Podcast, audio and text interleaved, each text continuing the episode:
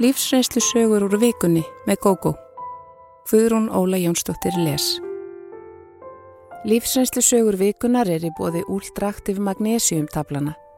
Með úldraktiv magnesiumtöflunum færðu meira út úr deginum, aukna orku, minni vöðvaþreitu og betri svefn. Úldraktiv magnesiumtöflunar fást í öllum helstu apotekum landsins. Með grátstafin í kverkunum í tvö ár. Ég var 23 ára og hafði nýlokið háskólaprófi með góðum árangri. Ég taldi mig færa í flestan sjó og eiga bjarta framtíð fyrir mér. Okkur hjónin langaði að eignast barn og það varð úr að við ákvaðum á þessi tímamót henduði vel til að stopna fjölskyldu. Allan meðgöngutíman var ég fílraust og blómstraði. Allar konurnar í minni fjölskyldu höfðu átt auðvelt með að eignast börn og ég sá ekki nokkuð því til fyrirstöðu að eins yrðu um mig. Ég kveið því engu og læknar og hjógrunalið virtust gera ráð fyrir að allt gengi snurðurlust fyrir sig. Þegar leiða loku meðgöngunar komi ljós að barni var stórt og ég því sendi grindarmælingu. Að sög læknisinn sem fóri við niðurstöður mælingarinnar átti ég að vera færum að fæða helmingi stæra barn. Ég spurði hvort ég ætti þá bara að sleppa ungbarnastíginu og eignast eitt um fermingu. Hann svaraði því þá til að grindarmálsins vegna gæti eða sjálfsagt. Ég gekk með nokkra daga fram yfir þann tíma sem læknanir höfðu reiknað út í upphafi meðgöngunar og þá fór blóðhristingur minn að hækka. Ég var því lögð inn og neitt til að liggja alveg kyrri í rúminu, mátti ekki eins og fara á klósettið. Ég var á áttamanna stofu og fannst andstyggilegt og niðurlægjandi að þurfa að gera þarfir mínar í bekken fyrir fram á stofufélagana og reyndi því að laumast á klósetti þegar þörfin var brín. Þetta aflaði mér ekki vinselda meðal starfsfólksinn sem var farið að vakta mig og skamma þegar til mér náðist. Þetta endaði í miklu tilfinninga uppnámi hjá mér og fæðingin fór af stað. Í fyrstu gekk allt vel en þegar koma því að fæða virtist allt vera fast og ég gati ekki komið barninu í heiminn. Þegar hríðarnar höfðu staðið yfir í hátt á annan sólaring var ég orðin útkerð og svo aðfram komin að ég sá allt í móðu. Hjúgrunarfólki virtist mér vera einhverjar svart kvítar óhugnanlegar verur á sveimu um herbergið. Þá datt lækninum í huga mæla blóðþristingin og í ljós kom að hann var hættulega hár. Hann dældi blóðþristingslækandi lifi í æð á handlegnum á mér og vaktafandi sérfræðingur var kallaður til hann á barninu sem fyrst með sóklöku. Þá byrjaði martröðin fyrst fyrir alvöru. Ég var klift alveg aftur í endatharm. Mér fannst eins og sjóð heitur nýfur færi gegnum holdið, svo mikill var sásökin. Mér var sagt að ég ætti að vera svo dofin að ég gæti ekki fundið þetta og sussað var á mig. Það tók síðan hálf tíma að ná barninu og allan tíman fannst mér sem veri væri að reyna að slíta líkama minni tvent með handabli. Þegar ósköpunum lauk og ég fekk són minn á bringuna voru við bæði svo örmagna að ég gætt einungis klappað honum máttleysislega á bakið og hann umræði örlítið en gret ekki. Þetta olli mér áhyggjum og ég spurði hvort ekki væri allt í lægi með barnið. Læknirinn svaraði því þannig að barni væri fíl hraust en hann hefði meiri áhyggjur af mér. Á tímabili í fæðingunni hefði hann talið að þeir væru að missa mig. Þetta var mikið áfall. Ég var ung og hraust og hafði fram á þessu trúað að ég væri ekki á neitthátt næri döðanum. Ég var því gjörsamlega niður brotin og fann strax á sjúkrahúsinu vannmótt minn gagvart þessu litla barni og þeirri miklu ábyrð sem ég bar gagvart því. Þessi tilfinningi jógst síðan stöðugt eftir að heim var komið og á hverri nóttu fekk ég martræðir. Ég var einning stöðugt þrættum að veri væri að brjótast inn í húsið og rökk upp við minsta hljóð. Ég hef ekki tölu á þeim nóttum sem ég gekk um vopnuð einhverju búsáhaldi til að leita að ímynduðum þjófum. Í fyrsta skipti á æfinni hafði ég stanslausar áhyggjur af heilsuminni. Maðurinn minn var mikið að heiman vegna vinnu sinnar og ég var vissum að eitthvað kæmi fyrir mig og barni finnist illa á sig komið einhverjum dögum setna yfir meðvitundarlausri eða látinni móður. Það hljómar eftir vill fáránlega en það er svo innbyggt í menningu okkar að hápunkturinn í lífi hverjar konu sé fæðing fyrsta barsins að þegar illa gengur finnst okkur flestum við að hafa bröðist og við vera síðri en hinnar sem fara í gegnum þetta eins og það séu að drekka vatn. Þetta eigur enn á vannmyndakendina og sektarkendina yfir því að þessi mikla hamingja og fullnæja hvern eðlisins láti á sér standa eða sé í manns tilfelli einfallega öfugsnúin. Ég var auk þess mjög bólgina neðan lengi á eftir og ringvöðvatnir nánast lamaðir. Ég þjáðist við ímist af harðilífi eða átti í vandrað með að komast á klósett áður en eitt hvað hafði lekið í buksutnar. Ég var að ganga með bindi löngu eftir að hreinsuninni laug því það átti til að leka frá mér alveg fyrir var að löst. Eins og nærrum og geta var sambandi við mannin minn ekki gott. Hann gæti ekkert gert svo mér líkaði og ég vildi lítil samskipti eiga við hann. Ég var sannferðum að ég væri afskræmt af örum þarna niðri og vildi ekki einu svoni skoða það sjálf hvað þá að honum væri hleyft í einhverja könnuna leiðangra. Ef drengurinn minn hefði ekki verið þetta draumabart sem hann var, hefði ég áreðanlega endað og getild. Mér fannst enginn skilja mig, enginn hafa áhuga á mér og ég gæti allt eins verið dauð. Í tvö ár gekk ég um með grátstafin í kverkunum og ótaðist stöðugt að bresta í grát. Það kom einhver vælutótni í röttina sem ekki hafði verið áður því ég var alltaf glaðsina, bjart sín og vinsæl. Ég rætti hluta þessara vandamála við mömmu, vinkonurnar og hjúgrunarfólki í ungbarnaskoðuninni. Svörin frá mínum nánustu voru gerðnan að ég ætti að hætta þessum kvörtunum. Ég ætti indislegt traust barn og góðan mann og mér væru allir vegir færir. Hjúgrunarkonurnar sögðu að þetta væri algengt og liði hjá eða spurðu um sambandi við mannin. Ég varði auðvitað að játa að það væri ekki beysið og þá horfðu þær á mig með sjálfströsti þeirra sem hafa fundið upp hjólið og vorkjana þeim sem ekki þekkja notkunar möguleika fullkomins rings og sögðu. Þeir hjónin verði bara að ræða þetta og finna lausna vandanum. Það sem fólk áttar sig ekki á er að þessi lýsingar byggð á því sem ég gerir mig grein fyrir eftir á.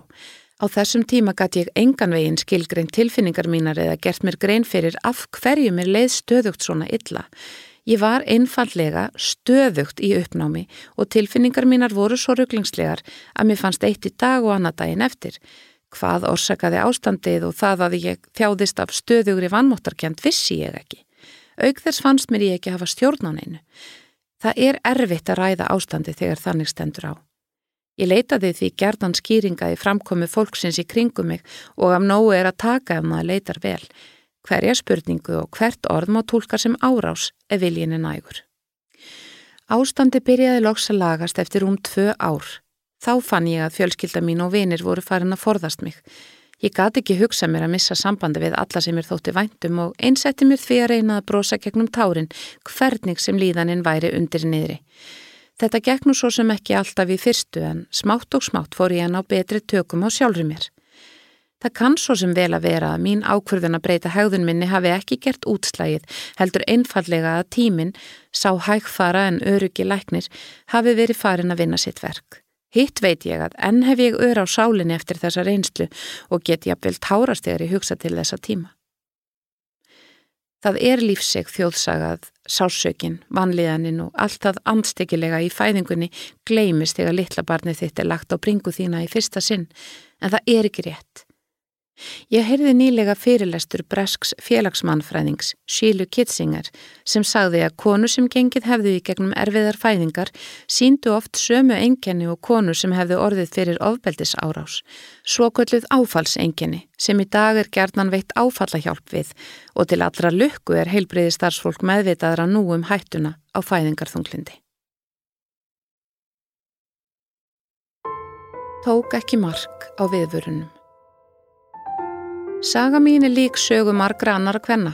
Ég fjall fyrir manni, trúði á því góða í honum en endaði með að flýja frá honum kalin á hjarta. Mikið gekk á og ég fekk að lókum nálgunarban á hann. Undanfarið hefur hann látið mig í friði en ég er hrættum að það sé vegna þess að hann sé komin með nýtt fórnalampa nýðast á.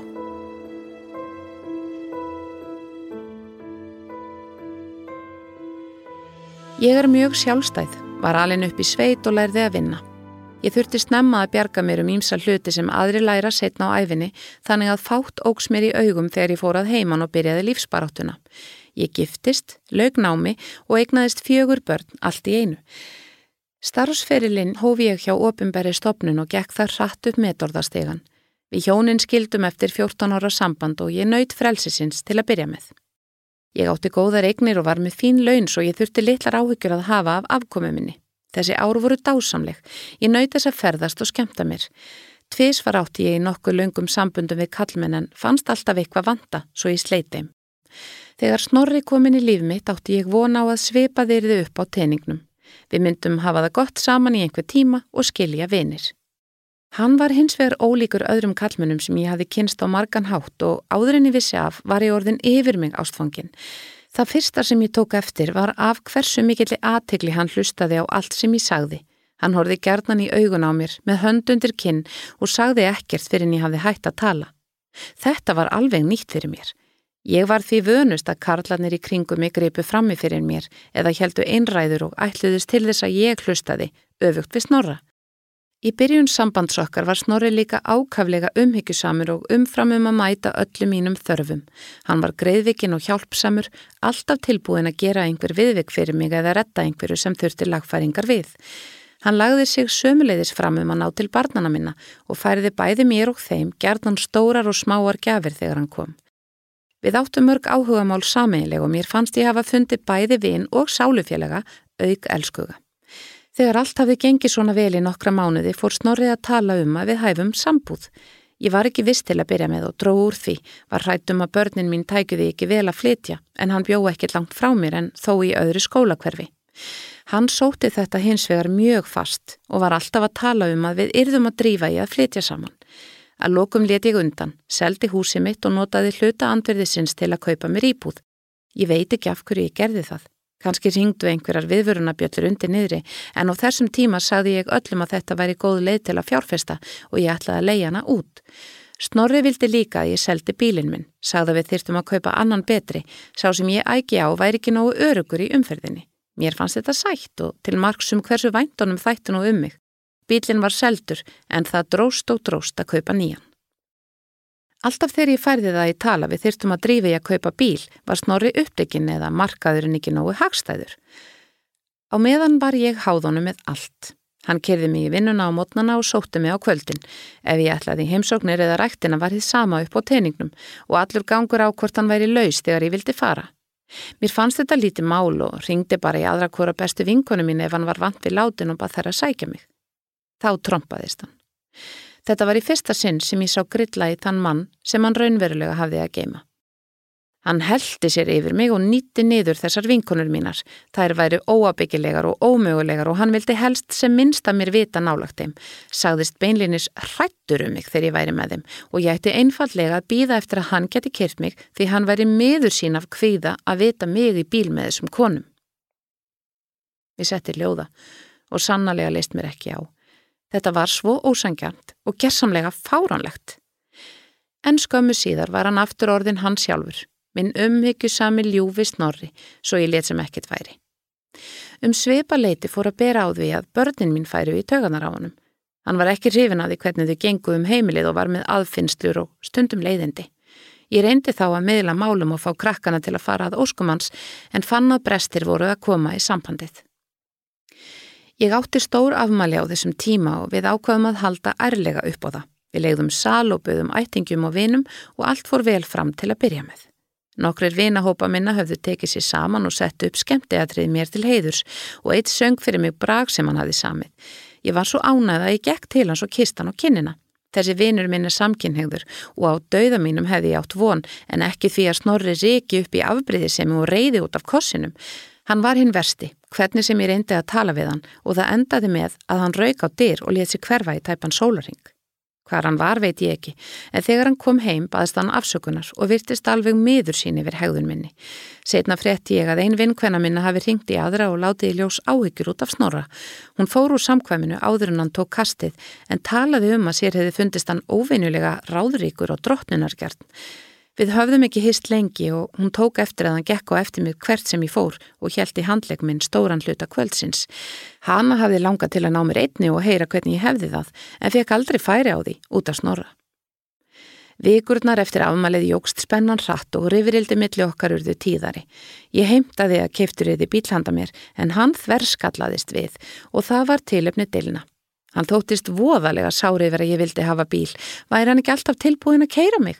Hann hefði meira að segja farið úr vinnu til að skuttla mér og fleira og fleira. Þegar ég snýri þessum rökum gegn honum var þann vittlus og kastaði hlutum. Einu sinni meira að segja skókan nefan í áttina til mín. Því verra sem okkur lendi saman, þess leiðinlegri var hann við börnin mín. Það var eins og hann væri að senda mér þau skilaboð að ef ég hegðaði mér ekki, myndi það koma niður á þeim.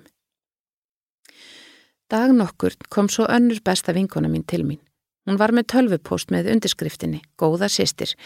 Brefritari sagðist þekkja vel til sambilismanns míns. Hann væri ofbeldisfullur drikkjumadur og hún vildi í einlegni og að velvilja vara við honum. Mér bráað vonum og bar þetta undir snorra. Hann sagði þetta mestu dellu og ábyggilega runnið undan rivjum fyrrum sambiliskonu sinnar.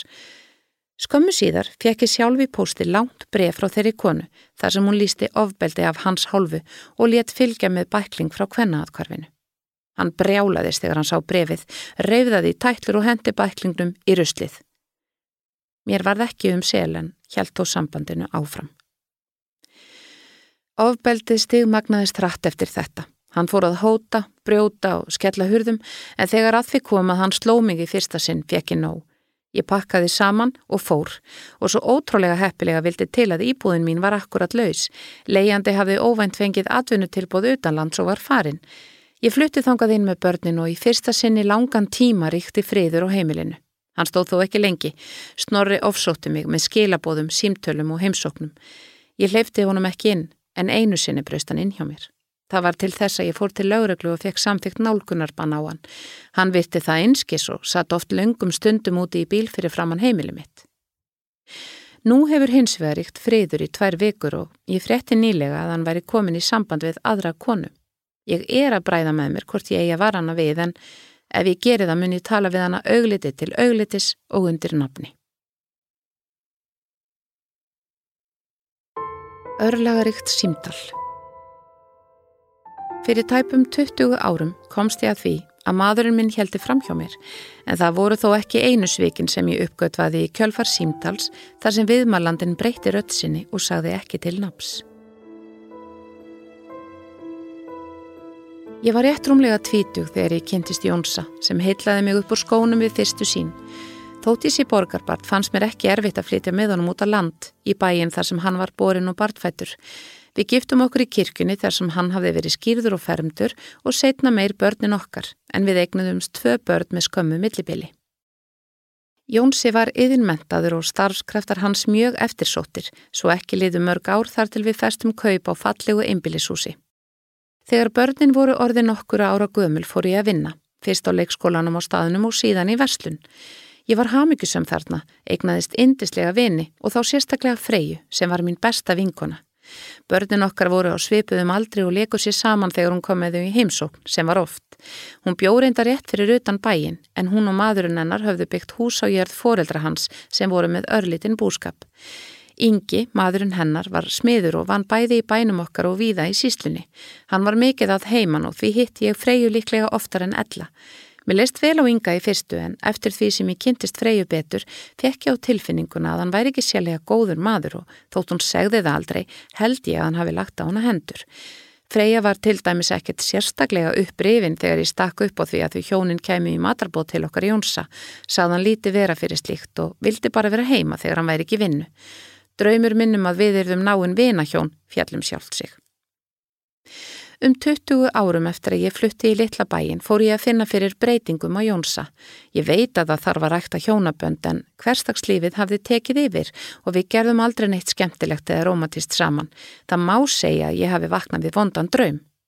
Við vorum vissulega góð hvort við annað og spjöldluðum mikið saman en Jónsi var orðin fjarlægur og fór til að mynda í háttin annarkvort og undan mér eða á eftir og þá eins og hann byði eftir að ég sopnaði. Ég saknaði innilegu stundan okkar og reyndi að endurheimta þær með ímsum ráðum en án árangurs. Ég stakk upp á því að við færum í helgarferð til útlanda, bara við tvö eða á hótel í Reykjavík, en hann langaði ekki, saðist af svo mikið að gera. Fyrst í stað kendi ég sjálfri mér um að ég hefði hugsað meira um börnin og heimilið en að rækta ástina á hjónabandið, en smám samanlætist að mér sá grunur að Jónsi væri farin að hitta aðra konu. Hann hugsaði betur um útlitið en áður, sem ég skilst að geti verið merkið um framhjáhald, og vann líka meira en áður og annars slæði langt fram eftir kvöldi. Eitt daginn þegar mér leið mjög illa viðraði ég þessar áhyggjur mínar við Freyju. Henni tókst að róa mig og sagði að mikið væri spjallað í bænum en hún hefði ekki hirt að Jóns héldi fram hjá mér. Það átti þó eftir að breytast fljótlega og allt fór að loga í kæftarsögum komst ég að síðar. Eitt hvað var giskað en flestir heldu að ákveðin einleip kona veri viðhaldið en svo virtist upp með sér af sögunum frekar en hitt og sór ekki fyrir neitt. Setna frétti ég að hún hefði vitað að sanna og viljað með þessari framkomu vernda viðkomandi konu sem var skildinni. Auðvitað hafði ég gengið á mannin minn en hann harðneitaði öllu. Ástandi var frekar þungt á heimilinu. Ég vildi trú honum en átti erfitt með það. Freyja var duglegað heimsækja okkur og stundum var hún fram á kvöld og borðaði með okkur. Mér fannst gott að fá Freyju og frekar kvartana en latti til að vera lengur. Hún var eina manneskjan sem ég að talað við um líðan mína. Eina helgina þurfti Jónsi að vinna verkefni í Reykjavík. Við áttum bara eitt bíl en Jónsi heimtaði að ég hefði hann. Það var ekkert mál fyrir hann að taka rútuna í bæin. Hann er því sótur á BSI. Ég skuttlaði honum í sjóppuna þar sem rútan stoppaði og fór svo heim. Ég hafði ekki verið lengi heima þegar síminn ringdi. Um leið og ég svaraði, saði rödd sem greinilega var reynd að breyta. Eldur rútuna, þá sérðu hvað maðurinn er að gera. Ekki heyrði ég hvort þetta var kallega kona og þegar ég spurði hver þetta væri, var skellt á. Ég ákvaði að hlýða þessu rauk út í bíl og óg sem leið lág í sömu átt og rútan hafði farið nokkru mínútum áður. Rútan stoppaði stutt í bænum okkar en í tíu mínútur eða kortir í næsta bæ. Mér byrjaði að líða eins og kjána meðan ég eldi rútuna og ákvaði að snúa við þegar ég væri komið ángað. Þetta hliti að vera gapp. Rútan ógin í bæin og stoppaði við söluskála. Ég lagði í nokkuri fjarlægð og fyldist með farþögunum stíga út. Maðurinn minn var eitt þeirra. Mér til undrunar gekk hann með þökkur sínar beintað bíl sem stóð við skálan og settist inn í hann. Þetta var bílinn hennar Freyju vinkonu. Hún satt undir stýri og ógaf stað fljótlega og stemdi til Reykjavíkur. Ég satt eins og lömuð á meðan sannleikurinn rann upp fyrir mér. Ég veit ekki hvernig ég komst heim því ég var í svo miklu uppnámi. Jú, maðurinn minn og besta vinkona höfðu skipulagt romantíska helgi í Reykjavík. Þau byrjuðu að vera saman löngu áður en mig grunaði nokkuð. Uppgjöruð í helgalók var erfitt. Jónsi reyndi ekki að neyta neinu en sagði að væntum þykja hans til mín og barnana hefði komið í vekk fyrir að hann bæði um skilnað en nú væri það vist óumflíjanlegt. Sama kvöldi sagði Freyja manninum sínum frá sambandinu. Ég held að Jónsi hafi ringt í hann og sagt henni að allt hefði komist upp. Maðurinn hendi Freyju öfugri út, sagði hann vildi aldrei sjá hana aftur og væri vissum að sama gengdu um börnin þeirra. Það var nokkuð til í því, börnin hennar töluði ekki við hana í nokkur ár en svo jöfnuðu þau sig. Ættingar freyjur efsuðu henni á sinn hátt líka, buðu ynga í öll fjölskyldubóðu næstu árin sem hann þáði, þannig að freyju var ekki vært þar. Auðvitað höfðu allir samúl með ynga og vildu sín honum að hegðun freyju var ekki samþygt af þeim. Börnin mínurðu líka mjög reyð út í pappasinn en ekki jafn lengi og börn freyju. Freyja og Jónsi fóru að búa saman strax í kjölfarið og þótt bæjarbúar stæðu með okkur mögum þeirra, treyst ég mér ekki til að búa þarna lengur. Börnin mín vildu endilega flytja líka. Fína húsið okkar seldist rætt og Jónsi, eflaust fullur af samiskupiti, gaf mér sinn helming af andverðinu og leifði mér að velja þar sem ég vildi úr innbúinu. Hann vissi svo sem að hann ætti mun betur með að hefja nýtt líf, með markvælt hæri tekjur og endalösa atvinnumöguleika. Ég er honum þakklátt fyrir þetta, þó þakklæti hafi þó ekki verið mér efst í huga fyrst eftir skilnaðin. Við börnin fluttum á höfuborgarsvæðið og þar tókst mér að búa okkur gott líf. Ég fekk strax fína vinnu, ekki vel borgaða þar sem ég er ekki með góða mentun, en mér leið vel þar. Árið setna var ég orðin vestlunarstjóri í búð skamt frá heimili mínu og við það hækkuði laun mín nokkuð. En áður en í flutti ringdi ég í Freyju. Hún hafði forðast að verða á vegi mínum en mér langaði að tala við hana. Þetta var erfitt símtall. Ég spurðana hvernig hún hefði getað hugsað sér að vera trúnaðarvinkona mín, koma svona oft í heimsókn og borðastundum með okkur, sagði hún að hún hefði verið störluð af ást og gert allt til að vera nálagt Jónsa, þótt það þýtti sveik við bestu vinkonuna, mig. Ef hún gæti farið aftur í tíman hefði hún kosið að þau Jónsi hefði komið reynd fram frá upphafi. Það hefði kannski verið auðveldara fyrir alla aðila, að minnstakosti stitt þetta erfiða tímabil. Hún og Jónsi giftu sig og miða við það sem ég hef heyrt eru þau hafmyggisum. Ég hef aldrei komist að því hver það var sem ringdi í mig þennan örlegaríka dag en er viðkomandi þakklátt. Að vísu flýtti þetta símtala aðeins fyrir því óhjákvæmilega og gerði hlutina liklega dramatískari en ég hefði ekki vilja vita þetta mikið setna. Draumurinn sem breytti lífi mínu Mér dreymdi fyrsta minnistæða draumin á barsaldri þótt ég hafi ekki skilið hann fyrir en ég var fullorðin. Draumarnir urðu fleiri en í nokkrum tilvikum vildi ég ekki horfast í augu við merkingu þeirra. Einn afar skýr og erfiður draumur varð síðan til þess að ég gjör breytti lífi mínu. Þegar ég var tíu ára skildu fóreldra mínir. Pappi þótti fít maður í litla bænum þar sem við byggum og naut mikillar virðingar svo út af við áttaði sig engin eða fáir á því að hann drakk allt og mikið. Áður en okkur systrum var sagt frá skilnaðinum dreymdi mig fyrsta skrimsliströymin minn. Þá fannst mér stórt skrýmsli koma upp úr jörðinni og ætla að gleipa eða kremja húsið okkar. Löngu setna áttaði ég mig á merkingu drömsins að hann væri fyrir brott hvarfi pappa af heimilinu og sorginni sem því fyldi. Bæði pappi og amma höfðu mikinn áhuga á draumum og ég satt oft og hlustaði á þau ræða drauma og hvað þeir þýttu. Líklega vegna þess hef ég reynd að rína í merkingu þeirra drauma minna sem virðast tákna eitthvað. Að öðru leiti er ég ekki sérlega áhuga sömum það sem flokkast undir andlega hluti eða dullræna. Mamma flutti með okkur sískinin til Reykjavíkur nokkru eftir skilnaðin og þar hef ég búið síðan. Ég held að ég hafi verið dæmigert barn alkohólista og frá því ég var ungstúlka valið mér kærasta sem ég ætlaði að bjarga.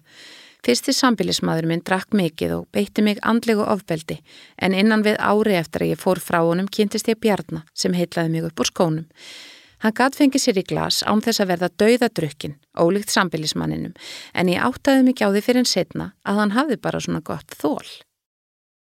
Hann gaf mér lítinn umhugsunarfrest. Allt í hennu voru við bara gift og leiði brúðköpsferð til Fraklands. Hann var 15 árum eldri en ég en aldursmururinn trublaði mig þó alls ekki. Hann var unglegur og vel á sig komin. Í brúðköpsferðinni greindi okkur fyrst á Það hafði ángrað mig allan tíman að hann sagði alltaf hann alltaf alltaf að taka mig hingað og þanga til að sína mér en hann hafði áður heimsótt Frakland og þekkti sig betur en ég sem hafði aldrei farið ángað. Svo sagði hann alltaf vina mín sem pyrraði mig óstjórnlega mikið og hefur alltaf gert. Í einni skoðanaferð okkar baði ég hann loksum að hætta þessu. Við værum að fara saman í þessar ferðir, ekki hann að taka mig ángað og svo finnist mér óþægilegt að vera köllið vina mín eins og ég væri lítill krakki. Ég saði þetta brosandi og kurtislega og átti ekki vona þeirri bræði sem þessi tillaga mín orsakaði. Hann öskraði á mig og ég bjóst allt eins við að fólkið í kringum okkur hingdi í laurugluna, svo trilltur og ógnandi var hann við mig. Þetta eigðilagði þá tvo dagar sem eftir voru að ferðalæginu og önnu sýsti mín sagði setna að ég hefði komið breytt heim, ekki verið þessi síbrósandi ástfangna og glada kona sem fór í ferðina með stóru ástinni í lífinu. Ég sagði engum frá þessu. Það tók mig mörg ár að átta mig á því hvernig maður Bjarni var. Heitlandi personuleiki hans yfirgnæfði oftast slæmu hliðarnar hans. Hann var meiri í orði en á borði, var hreinlega groppin sem ég rugglaði saman við sterkan personuleika og lítil innistæða var fyrir orðum hans og lofordum. Við eignuðumst tvö börnen, þegar það yngra var fimmóra, gafst ég endanlega upp á Bjarni. Þá voru við nánast gæltróta. Setni eiginmaður minn, Ágúst, sem ég kynntist hálfu ári síðar, var gjör ólíkur bjarna, rólegur maður og traustur með alla hluti á hreinu fannst mér. Honum þótti eins og mér, gott að fá sér í glasum helgar og hann kunni að fara með vín. Mér fannst Ágúst eitt besti maður sem ég hafi kynst, en með tímanum komi ljós að hann var með mikla félagsfælni og vildi þess vegna kvorki bjóða fólki heim nýja ferðast. Það veitti honu mikið öryggi að hafa fasta rútinu og því voru allar breytingar, stórar og smáar, honu mjög erfiðar. Dagarnir liðu í rútinu og tilbreytingaleysi sem var aftur á móti verulega erfitt fyrir mig því ég hef þá lífsín að tilbreyting sé krydd lífsins. Ég elskað hitta vini, kynast nýju fólki, læra eitthvað nýtt og ferðast en sá lífstíl var sem martröð fyrir eiginmannin og smám saman hætti ég að leggja það á hann og okkur bæði að skipuleika ferðalög eða bjóða fólki heim. Í viðleitni minni til að skilja hann og stiðja var ég sífælt abrari og fimm árum eftir að við giftum okkur var ég komin á þunglindislif. Mig fór að dreyma pappa sem þá var ný dáin. Mér fannst ég vera í bíltúr með honum og við spjöldluðu mikið og hlóum. Þetta voru indislegir draumar. Ég saknaði pappa mikið og leið betur eftir þessa drauma. Ekki kafaði ég dýbra í þá en það var ég í afneitun. Jú, ég drakk hansi mikið og ansjóft þegar ég var að elda, færði Ágúst mér léttfinsglas eftir að hann kom heim úr vinnunni og var þá sjálfur búin að hella sér í glas. Hann vildi að ég spilaði með honum í þessu óheilbreiða sambandi, svo kvíði hans fjalli í skuggan, ég drukkin og þund til skiptis og vildi engan hitta, Það hentaði honum best. Mér tókst svo vel að fela drikju mína að sýstur mínar og vinkonur áttuði sig ekki á neinu. Eitt kvöldið, eða öllu heldur eina nóttina, satt ég í hægindastól í stofinni. Ágúst var sopnaður. Ég var með koniak í glasi og leið hörmulega. Mér langaði ekki til að lifa lengur. Allt í einu fannst mér sem ég hefði farið út í líkamannum því ég horfi á þessa brjóstum kennanlegu konu sem satt hérna vansæl og drakk. Líklega hefur mér runnið í brjóst eitt augnablikan, hvort sem þetta var draumur eða ekki var þetta til þess að ég ákvaða leita hjálpar. Ég pantaði viðtal hjá áfengisráðgjafa strax daginn eftir og fekk tíma stuttu setna. Eftir smáspjall spurði ráðgjafin mig hvort ég væri tilbúin til að stökka út í djúbulögin og fara í meðferð. Ég játaði því og komst þangað inn ótrúlega fljótt. Það komur mikið á óvart hvaða var gaman í meðferðinni. Ég upplýði þetta meira eins og sumarbúðir fyrir fullorna með spennandi dagskrá alla daga. Það voru grúpufundir á modnana, fyrirlestrar eftir hádegi, frábær matur í mötuneytinu og AA-fundir á hverju kvöldi. Þetta var líka algjört frí frá daglegu amstri og tilbreytingalösum dögum. Ég kynntist nokkrum indislegum manniskum í meðferðinni sem ég hef síðan hitt og fundum af og til. Þetta var eins og að gjör bylta lífinu, opna fyrir félagslífið og læra að elska sjálfa mig og lífið upp og nýtt. Ágúst tók þessari nýju mér mjög illa. Hann vildi hafa mig eins og ég var, heima kæra og meðfærilega, vegna þess að ég var með eilift samviskubiti við laumudrykkinu og þunglindinu. Það tónaði vel við hans félagskvíða og kröfuna um einograð heimilislíf. Mér langaði strax til að skilja við hann, en var ráðlagt að taka yngar stórar ákvarðanir í heilt ár eftir meðferðina. Skilnaður var óhjákvæmilegur því sambandi var löngu staðnað og dáið. Hamingja okkar Ágústs jóks til muna þrátt fyrir sorgina og söknuðin sem skilnaður er notli en Ágúst leitaði sér lokksálfræði aðstóðar sem hjálpaði húnu mikill. Draumar mínir um bílferðirnar með pappa síndu auðvitað að ég var alkoholisti eins og hann en bílar í draumi tákna oft líf fólks. Ég var ekki undir stýri í drauminum sem þýtti líka að ég stjórnaði ekki eigin lífi heldur vínið. Skrýmslið sem ég dreymdi í æsku hafði mætt aftur nokkrum sinnum og eld mig í gegnum ganga og ránkala. Ég afskrifaði þá drauma sem marklösa martröð en líklega hafa þeir verið tákn fyrir sjúkdóminn sem hafði tekið yfir lífi mitt, eigðilagt hjónaband foreldra mína og einnig líf föður míns þar til honum tókst að hætta að drekka. Ég öðlaði snýtt lífi í kjölfarið og fór að finna fyrir tilfinningum aftur en ég hafði nánast kæft þar með drikju. Ég hef aldrei verið hafmyggisamari og hef náða tengjast fjölskyldu minni og vinum á nýjan og betri hátt. Ég hef meira sjálfströst og tel mig betri mannþekkjara en áður. Ágúst skipti sig aftur og mér sínist á öllu að hann blómstri með konunni sinni sem er álíka heimakær og hann. Hún er þó með meira bein í nefinu en ég og það er líklega það sem Ágúst þarf. Þau ferðast allavega meira en við gerðum. Ég hef verið einhleipi nokkur ár, vissulega farið á stefnumót en engin maður hefur náðað heilla mig almennilega. Kanski eru bestu mennir þegar gengnir út, eins og ég segi stundum í gríni við sýstur mínar og vinkonu sem eiga frábæra menn. Hvað verður kemur bara í ljós? Ég hef ekkert á móti ást og romantík en vil vera varkár. Undir yfirborðinu Fyrir rétt rúmum áratug var ég yfir mig ástfangin af dásamlegu manni. Við vorum bæði í námi þegar við tókum saman og oft mikið að gera. Þess vegna var ekki alltaf allt fullkomið en við vorum hamingisum. Það eina sem skegði á var að minn gallalösa svilkona let ekkert tækifæri ónota til að gera lítið úr mér. Nýlega kom hins vegar í ljós að ímislegt var í gangi undir yfirborðinu á hennar heimili. Ég hitti tengdafóreldra mína í fyrsta skiptu um páska. Ditti sagði mér að í hans fjölskyldu væri síður að öll fjölskyldan kemi saman og borðaði morgunverð og svo væri páskaækjaleit fyrir börnin. Við komum snemma en þegar við ringdum dyrabjöllinni kom hún kona til dyra. Hún var hávaksinn, grönn og vel til höfð. Klukkan var aðeins rétt umlega nýju að morgni en hún var einstaklega vel máluð á háum hælum og hárið augljóslega nýþvegið og blásið. Hún var með svundu yfir svartri silkiblúsu og hvítu pilsi.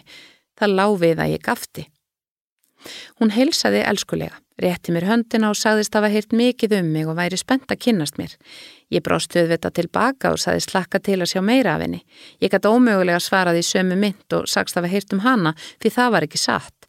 Ditti hafði aldrei minnst á mákonu sína og ég var í raun fremur efinsum að hún vissi nokkuð hlutu mig því þeir bræður voru ekkert sérstaklega nánir og við bara búin að vera saman í fjóra mánuði. Veran í dyrunum afsakaði sig og saðist verða að þjóta. Hún væri á kafi í eldusinu og bað okkur að koma inn og bjarga okkur sjálf. Á borðum var ávakstapúst og hún sað okkur að gera svo vel. Tengdamamma kom fram og kynnti sig og skömmu síðar komi tengdapappi og bróðir ditta utan úr bílskur.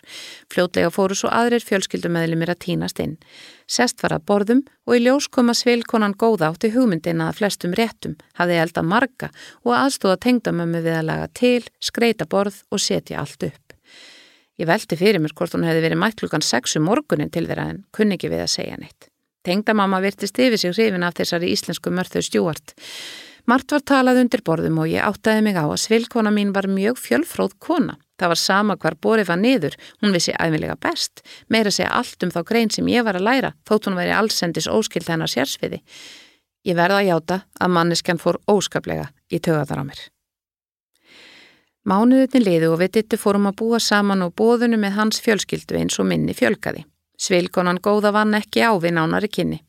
Edda var ágætlega mentuð og hafði sterkar skoðanir og flestu, var ekki hrætt við að viðraðir, en það hefði ég geta fyrirgefið ef hún hefði ekki sífælt gert lítið úr skoðunum annara í hvert sinn sem hún opnaði munnin. En maðurinn hennar sagði eitthvað, var jafnan við hvaðið, nei, benni minn, þetta var ekki svona. Síðan greip hún orðið og sagði sína útgáfu af sögunni. Þetta gerði hún sömuleiðis við alla aðra er talið basta bókum, kvikmyndum, sjónvastáttum, matseld, batnauppeldi eða bara hverju sem er, greip þetta fram í hver sem var að tala og kom með sína útgáfu. Og alltaf var byrjað á að útlista hvernig framlag þess sem talaði stæðist enga skoðun eða réttar að sagt, hún gerði þetta við allan um að tengda mammu. Hanna stutt hún hvað sem hún sagði, enda dýrkaði mamma ditta þessa tengdadóttur sína. Vittnaði gerna nýjana í hvert sinn sem við töluðum saman þegar þetta var ekki viðstött. Margar krettur varðandi heilsu og mataræði átun upp eftir goðinu sínu og hætti til að mynda að borða brauð, pasta, síkur, kartöblur og fleira vegna þess að etta hafði sagt að þetta væri ekki holdt. Allt korn átti að fara úr matnum um tíma og fleira og fleira. Það leið ekki á löngu þar til ég gerði mig grein fyrir að ég kemist aldrei með tærnar þar sem þetta hafði hælana í huga tengdamömmu, svo ég hætti alveg að reyna að nálgast hana. Mér var alveg sama, ég á góða mömmu og þar svo sem ekki aðra. Hins vegar hefði ég gerðnan viljað að mér liði betur í návist fjölskyldu ditta. Sýstir hans var fljótt góð vinkona mín og þótt við töluðum aldrei um það vissi ég að henni fannst lítið til ettu koma. Ég gatt og leitt þetta allt hjá mér og ekkert snerti mig þar til ég eignaðist mitt fyrsta barn. Sónur minn kom í heiminn tveimur árum eftir að við ditti tókum saman. Hann var mikið óskabarn og við orðin freka langeg eftir barnið þegar ég varð ófrísk. Þá voru við búin að reyna í áru og færa hann að ræða það skrefa leita til lækna. Meðgangan gekk illa. Ég var mjög veik og kastaði upp fram á sjötta mánuð og fæðingin var óskaplega erfið og ég lengi að jafna mig. Etta átti þegar þetta var tvö börn. Alla meðgönguna sendi hún skilabóð gegnum tengdamömmu um hvað ég ætti að borða og hvað ekki og þreytist ekki á að skjóta því að mér ef við hittumst að ég geti sjálfur mér kentu með orkuleysið og vanlíðanina vegna þess að ég fær ekki eftir hennar góðu ráðum. Mér langaði mest að garga á hana að þegar það eina sem maður heldi niðri væri þurr tekjaks, væru baunaréttur og perlubika ekkert sérstaklega gyrnilagt. Þegar mér tókst að borða þrjár matskeiðra vís án þessa æla fannst mér ég hafa unnið dásamlegan sigur. En auðvitað sagði ég ekkert af þessu við ettu. Í staðin kinkaði ég kolli og sagðis myndi skoða þetta. Drengurinn kom í heiminn með látum. Ég fekk hríðar snemma morguns og hann var fættur tæpum tveimur tímum síðar. Ég ripnaði illa og var lengi að jafna mig fyllilega aðna niðri. Sennilega hefur næringarleysið á meðgöngunni líka haft áhrif á og ég var strax mjög ólík sjálfur mér. Vildi helst sofa allan daginn. Mamma hafði miklar áökjur af mér og kom oft í heimsók til að reyna að ressa mig við. Hún sá um að ég borðaði, dró mig út í göngutúra og syndi bæði mér og barninu. Þegar strákurinn var tvekkjamánað var hann skýrður. Ég var enn lítið límir og óörug, fannst ég ekki passa í þetta nýja hlutverk. Etta setti sig ekki úr færi alla skýrnarvesluna að benda mér á hvar ég hefði geta gert betur og aldrei þessu vant náð hún til mín. Ég brotnaði niður og grétt. Ditti varð mjög reyður og við lágaðan ræki bróður sinn og mákonu á dyr en mamma gekk á milli. Etta móðgæðist mikið og talaði ekki við okkur lengi en við söknuðum hennar lítið. En undan farin ár hefur ríkt í fjölskyldunni þegjandi samkominnlegum að láta sem ekkert sé eða allt þar til fyrir nokkru mánuðum að uppkomst að fadir ettu hefur drukkið illa árum saman. Hann beitti auk þess elstu dóttur ettu og benna kynferðisofbeldi og móðurinn ákvaða hilma yfir glæpin. Rak 15 ára barniða heiman og helt sambandi við föðursinn sem fór í meðferð. Ég tek það fram að hann er vel stæður og hefur styrt dóttur sína ríflega fjárrakslega í gegnum tíðina. Benni gekk út af heimilinu eftir að stúlkan sagði frá og segir að ekki komi til greina af sinni hálfu að halda hjónabandunum gangandi. Þegar þetta áfall reyði yfir áttu tengdamáma ákaflega bátt. Ég veit ekki hvernig hún leysir úr sínum vandað því stúlkan er nafninar, elsta barnabarnið og augast einn ömmu sinnar. En hefur hún ekkert geta sagt illt um ettu og stínur bara að hún skiljiði þetta ekki. Ég get hins vegar ekki sagt að þetta hafi komið mér á óvart. Fyrir mér hefur þetta alltaf verið ein af þeim sem púsar yfirborðið en sinnir ekki því sem býr hefði innra.